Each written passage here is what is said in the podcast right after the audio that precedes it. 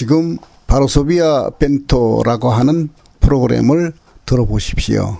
에스프란토로 즐길 수 있습니다.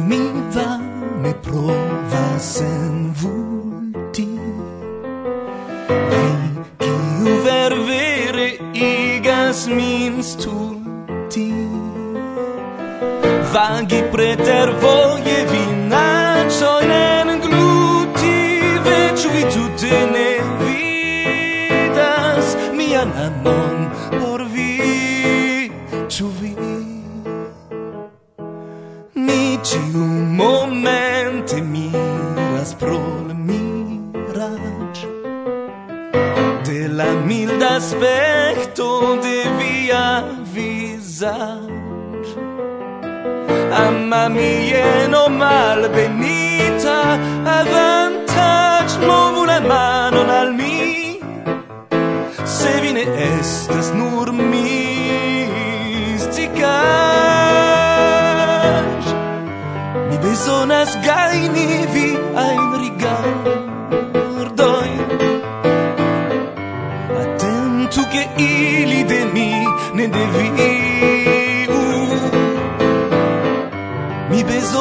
volas fali en vian varmon. Mi volas tui kison de vi. Uh -huh.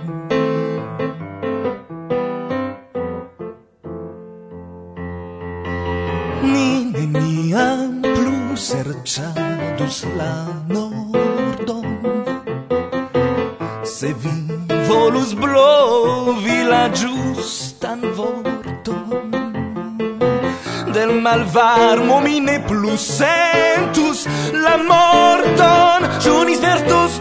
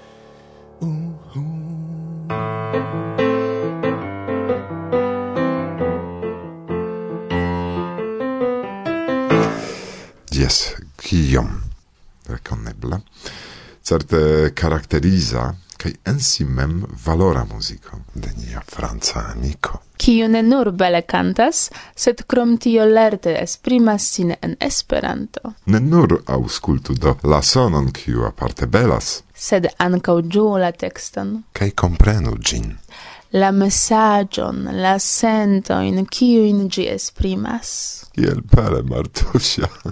yes, cer giam estes unu el niei hodiauai gastoi. En duono de la tuta interviuo. Nur en duono? Yes, char eh, fakte longe ni babilis, cae presenti tion en unu el sendo signifus simple la tutan programon dedici nur por giom Do post longa cerbumado mi venis al concludo che duonon prezentu ni nun la ceteran en la sekva programo ni en la solvo. Do ia escepto de la regulo. Jes escepto, kaj ne nur unu, ankaŭ la dua intervjuo kun eh, Roman Dobrzyński aperos nur parte. Ah, jes, rakonto primazi. Jes, primazi. Tamen ne pri la desegna heroo de la filmo mem, sed eh, pri apero kaj realigo de la ideo krei la por televidan kurson de Esperanto, de kio tio venis kaj kio okazis dume. Do duone. Jes, duone, char uh, eh, ancau la interparolo tre longas. Do, resumu ni. Interparoloj kun Guillaume Armide, Roman Dobrzyński kai... Kai, iom eh, surprizai gastoi el Koreio nia provizora studio. Sekve? La historia angolo en kiu Kasia Ho primemoros al vi silueton de unu el la plej konataj movadanoj. Kaj eh, fine sonraporto pri la scienca pikniko en eh, Varsovio, kaj se mi sukcesos eh, aperos ankaŭ ĝia filma versio. Kaj, kompreneble, pri parolo de la plej interesaj artikoloj el kontakto, Kai inter tio cio, estimatei auscultantoi, compreneble kiel ciam, vi giuos bonan esperantistan muzikon, nian muzikon. Do, ec? Ec! Antau vi, carai auscultantoi, la cent sepa el sendo de Varsovia vento. Bon. Ve. Non. Bla. Bla. Bla. Bla. Bla. Bla. Bla. Bla. Bla.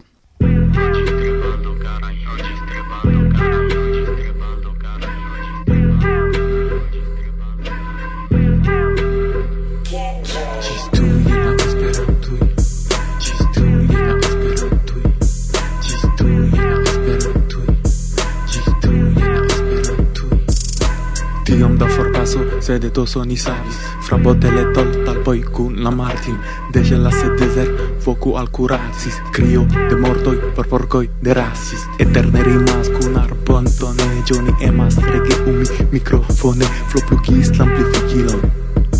En misi conas vira signifon. Jomar, Natasha, Paro, Aminda Platan de la repo, la amira Iom slavumas pro horaj canto Kiom pianumas pri pluraj sento Perdita tiel generaci Desesperas reveni al raci De hotel Esperanto veni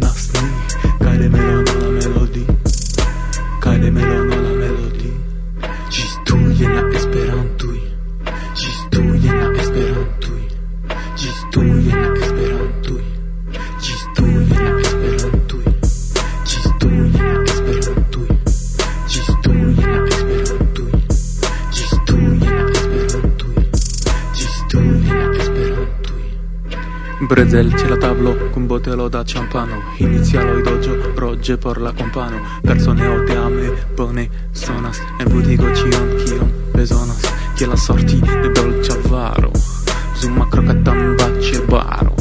Tra la vin il cosmo de supernova. Ne de Varsovi la vento blovas E c'è nun un disco, iras al fumo Ni cantas plu, por via informo, via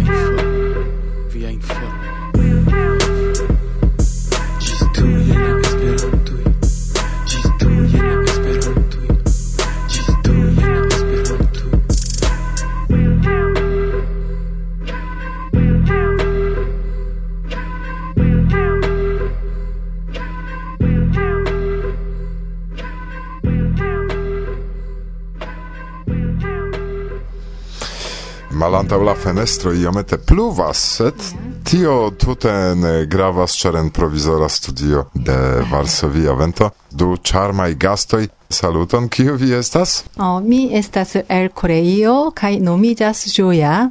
Ankaŭ el Koreio mi nomiĝas Tebon. Gioia estas esperante, do vi estas ciam gioia mi vidas, sed via origina nomo? Uh, mia origina nomo estas Jo Myung Cha kaj Jo estas skribita en Esperanto Jo kaj ja prononciĝas en Esperanto ja. Pro tio uh, mia Esperanto uh, nomo estas Joja. Ja. Do kaj mi estas ĉiam ĝoja kun esperantistoj en la tuta mondo la ezo estas malpli gioia, sed pli dormema eble pro influo de biero kai, kai la pluvo ĉu ne? Se ĉu via nomo punk eh, signifas ion? Yes, eh, generale en Koreio ciui homoi habas la mm, signifo de la nomoi. mia nomo familia nomo estas Chan kai privata nomo estas Tebon Te estas granda kai Pong estas subteno laula signifo mi ciam multe subtenas mian edzon to ŝajne tasko de virino estas subteni edzon. Ah, Jes, Kaj eh, vi estas fakte granda, ĉar vi lernis Esperanton do. Ĉu Esperanto estas malfacila por koreoj?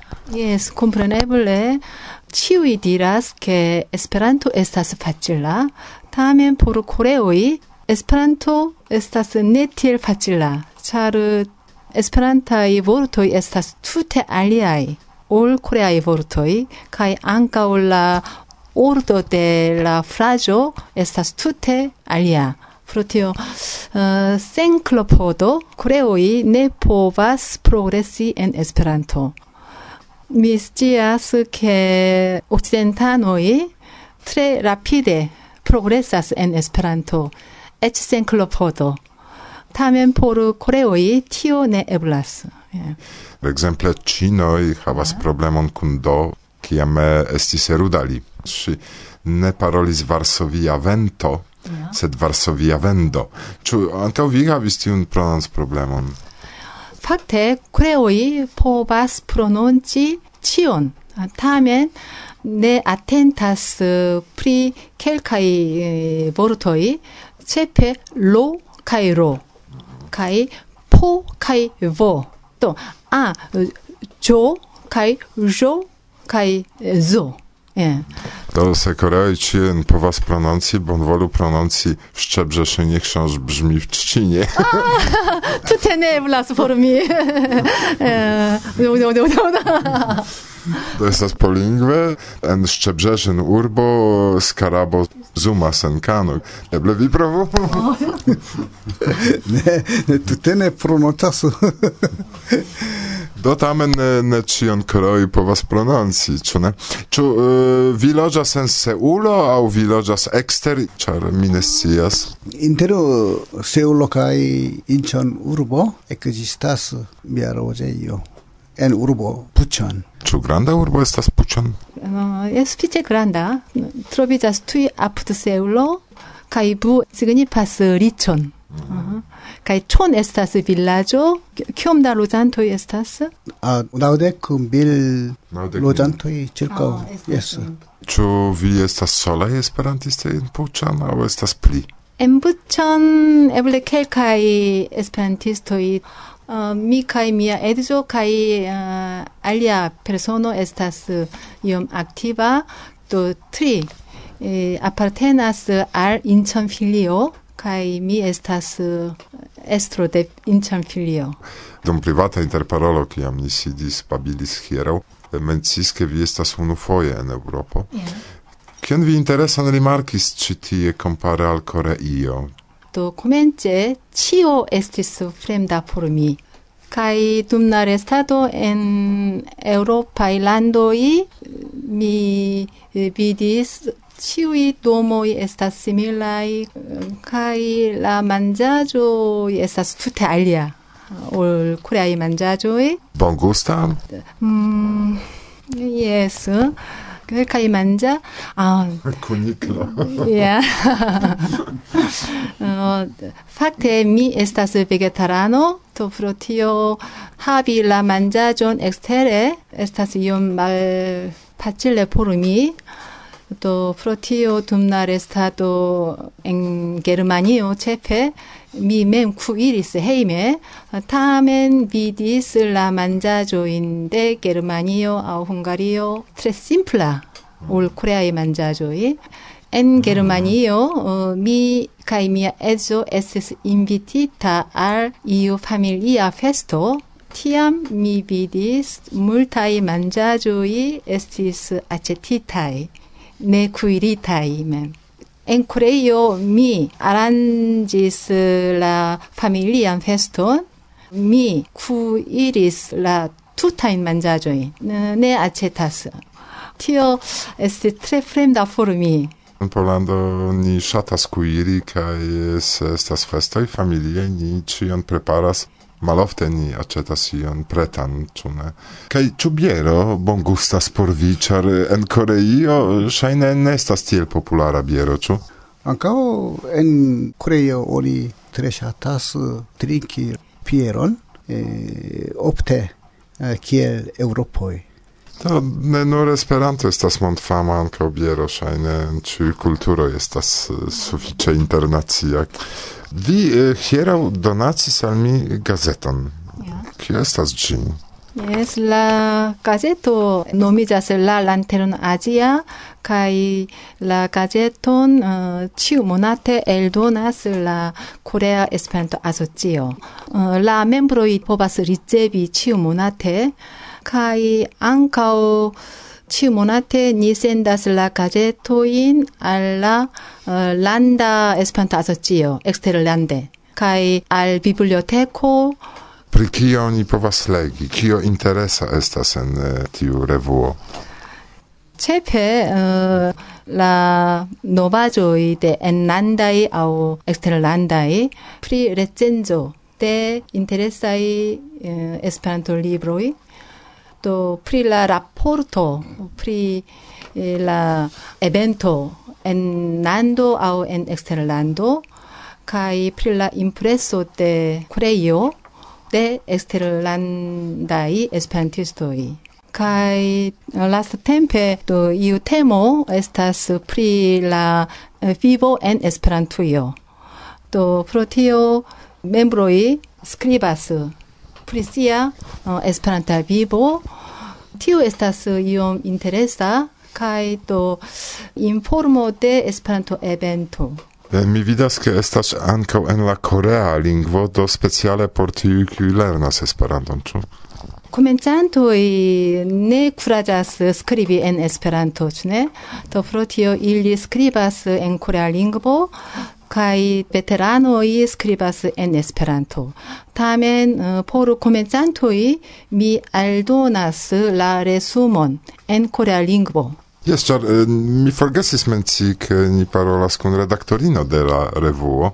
Do nun vi havas tempon por eh, diri ion al la esperantistoj en la mondo. Uh, Laŭ mia sperto, Esperanto estas tre bona, ĉar semi ne um, eklernis Esperanton en una tempo kiom mi faru, ĉu ne?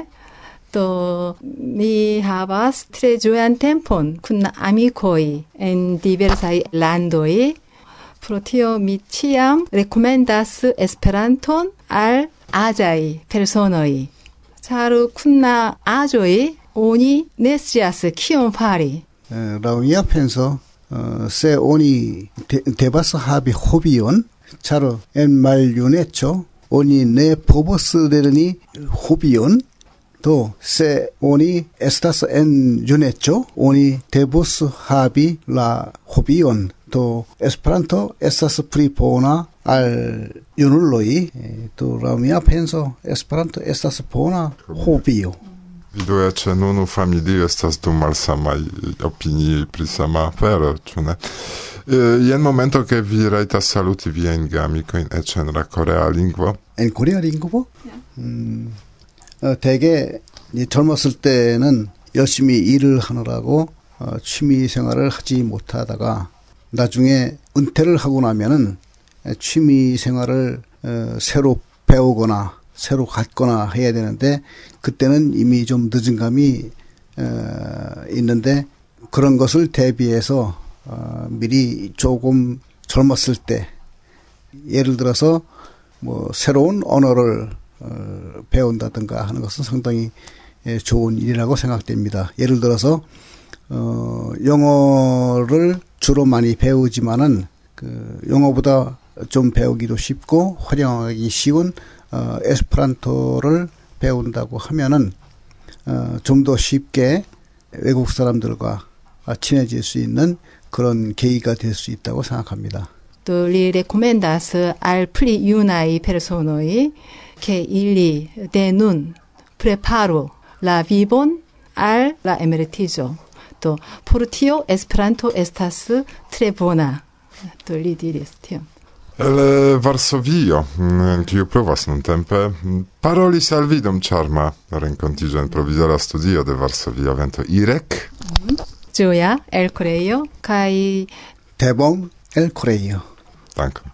O Varsovia vento. Oh. Corea estas. Estas. Ĝumere. Parolas kaj ne scias.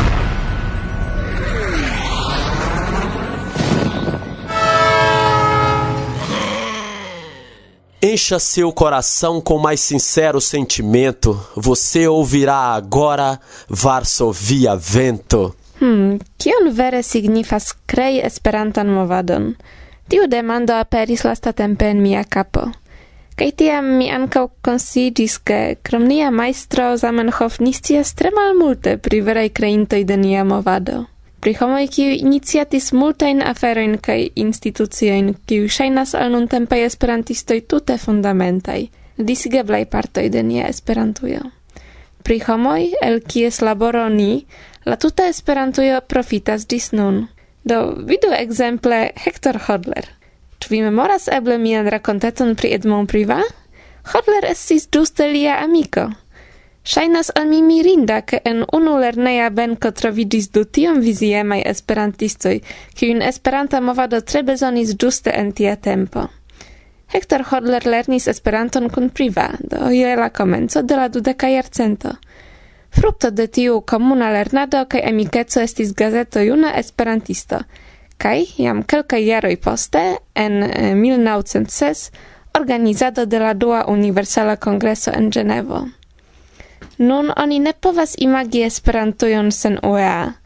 Gin fondis ĝuste Hodler, tiam deknaŭ jaraĝa knabo kun Teodoro Ruso. Kio estas celo de UEA? Laŭ Hodler simple protektado de homoj. Li transprenis redaktadon de la revuo, kiu funkcias ĝis nun, kiun vi eble konas kaj legas, la revuon Esperanto. Dum la unua mondmilito existis eĉ helpservo de UEA, kunorganizita de Hodler, kiu estis tiama prezidanto. Bedaŭrinde Hodler forpasis du jaroj post la fino de la milito. Li havis tiam nur tridek tri jarojn. Lia amiko Edmond Privat tre trafe skribis poste pri Hodler, ke al tio, kion iniciatis la genio de Zamenhof sur la campo lingva, li aldonis la necesan bazon sur la campo socia do simple grande gandankon al li. Pripensoj pri la Esperanto movado prezentis al vi Kasia Ho.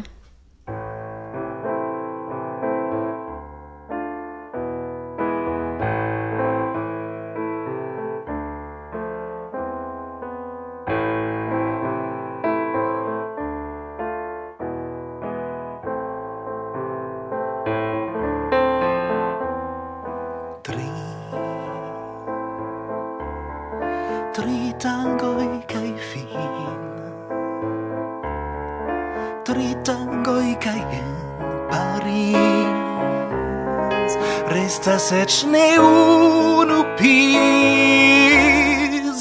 Neniom da lup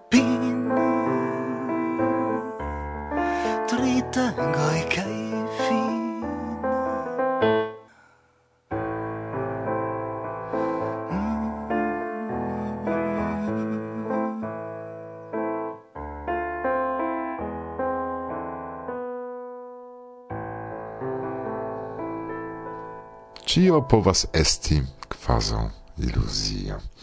Kiom. Kelkaj bonaj jaroj antaŭe tute nekonata. Nun unu el la plej signifaj kantistoj de la esperantista muzika scenejo kaj ŝajne ne nur laŭ mi.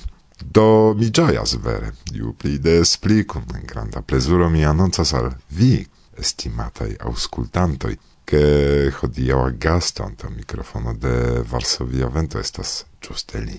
Ne persone, ĉar mankis tiu eblo, sed ja pro kio oni elpensis la reton, ĉu saluton Guillaume. Saluton Irek.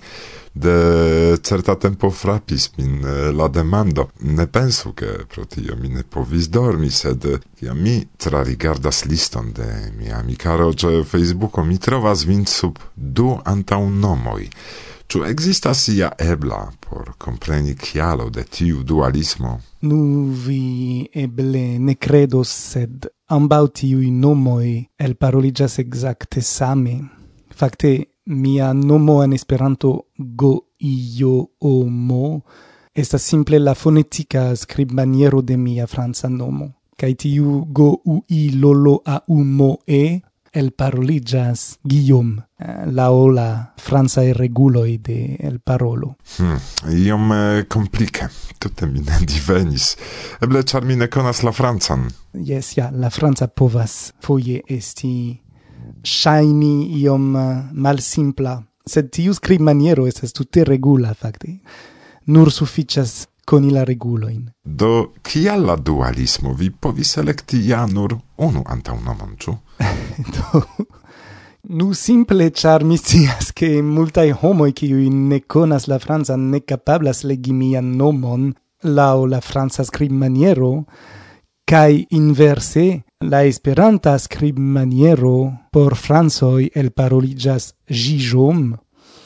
Do mi simple ne trovis solvon, cha mi havas du publicoin, ni diru, la fransan kai la esperantan, kai mi ne volas apartigi, et se mi ofte devas, compreneble, do estas tiel ke mi, mi simple sercis mm, la plej bonan manieron esti comprenata havi nomon legeblan de de ambaŭ do mi elektis simple du antaŭ nomojn. Estis la estis la nura solvo por mi la plej bona. Sed ne temas pri dualismo temas pri simpla opportuneco. Do eble nun ankaŭ mi uzu ne nur Irek, sed ankaŭ Ireneus kaj Pacek, czar fakte mia antaunomo venas el la greka kaj kion eh, iam prave rimarkis Tomio de Lopogo, gi signifas pacon, do li nomis min Pacek la packa vento. Ĉu Guillaume eh, ion signifas? Yes. Guillaume fakte devenas de la germana au pli exacte de la germana Wilhelm kaj la esperanta equivalento estas Wilhelmo. Fakte mi esploris, mi pristudis la solvon, elekti la nomon Wilhelmo, sed vere mi ne ŝatas ĝin. Simple. Uh, do mi pli ŝatas la francigon de Wilhelmo kaj Wilhelmo se mi ne eraras etimologie signifas volo kaj protekto. Jen to neniam miligus Wilhelm kun Guillaume pardonos tute alie sonas, sed do bone, no, povas esti ancau tiel. Ču, iam mi demandis pri grandezo de viei ŝuoj, ĉar mi ne memoras? mi jam demandis, kai mi ne memoras la respondon. Mi pensas che vi jam demandis en la tutte unua intervjuo dum la tute unua yes se mi ne fush memoras, mi dirus, lau la franca mesuro, kiom, gvar de gvar, pli mal pli.